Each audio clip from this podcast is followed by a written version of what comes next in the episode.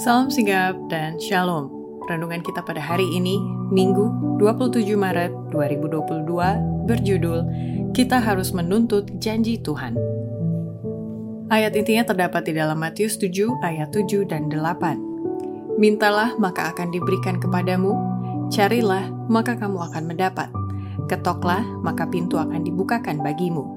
Karena setiap orang yang meminta, menerima, dan setiap orang yang mencari, mendapat dan setiap orang yang mengetok, baginya pintu dibukakan.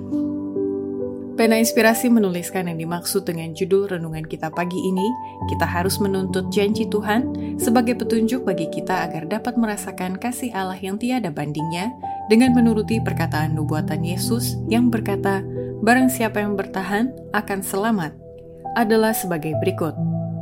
Pertama, alasan kita perlu menuntut janji Tuhan Dikarenakan banyak orang percaya yang belum menerima hikmat dan rohnya atau belum sungguh-sungguh menantikan kedatangan Yesus dengan kerendahan hati atau belum memperhatikan pimpinannya dan rahmatnya. Banyak orang yang percaya dan mengakui untuk menuntut janji Tuhan.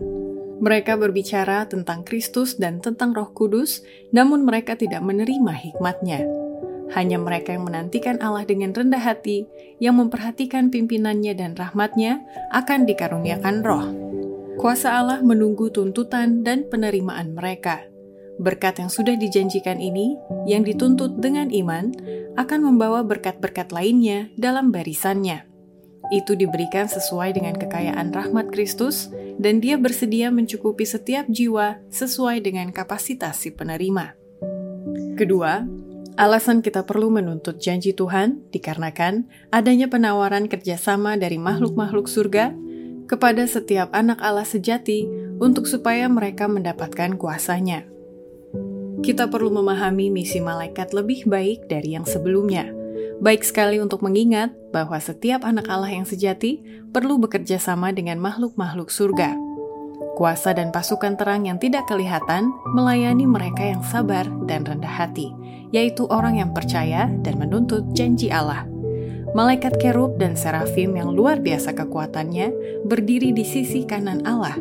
Semua malaikat-malaikat pelayan diutus untuk melayani mereka yang akan menjadi pewaris keselamatan. Ketiga, alasan kita perlu menuntut janji Tuhan dikarenakan Ia akan segera menggenapi janjinya dengan mengaruniakan Roh Kudus kepada orang-orang yang setia dan menghargai akan perjanjiannya itu. Jikalau kegenapan janji itu tidak tampak sebagaimana seharusnya, itu disebabkan karena perjanjian itu tidak dihargai sebagaimana sepatutnya. Jikalau semua orang mau menerima, semuanya sudah dipenuhi oleh Roh. Keempat, alasan kita perlu menuntut janji Tuhan dikarenakan hari ini Ia akan menyempurnakan tabiat setiap orang percaya lewat kerjasama mereka dengan para malaikatnya.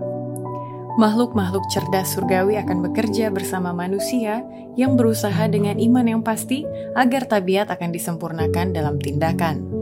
Kristus mengatakan kepada setiap orang yang melibatkan diri dalam pekerjaan ini, "Akulah tangan kananmu untuk menolong engkau."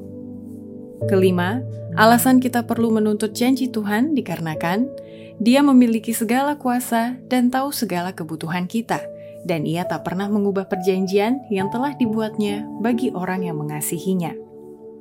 Janganlah takut pada hari-hari yang suram, apalagi kalau itu nampaknya menakutkan. Berimanlah di dalam Allah, Dia mengetahui kebutuhanmu.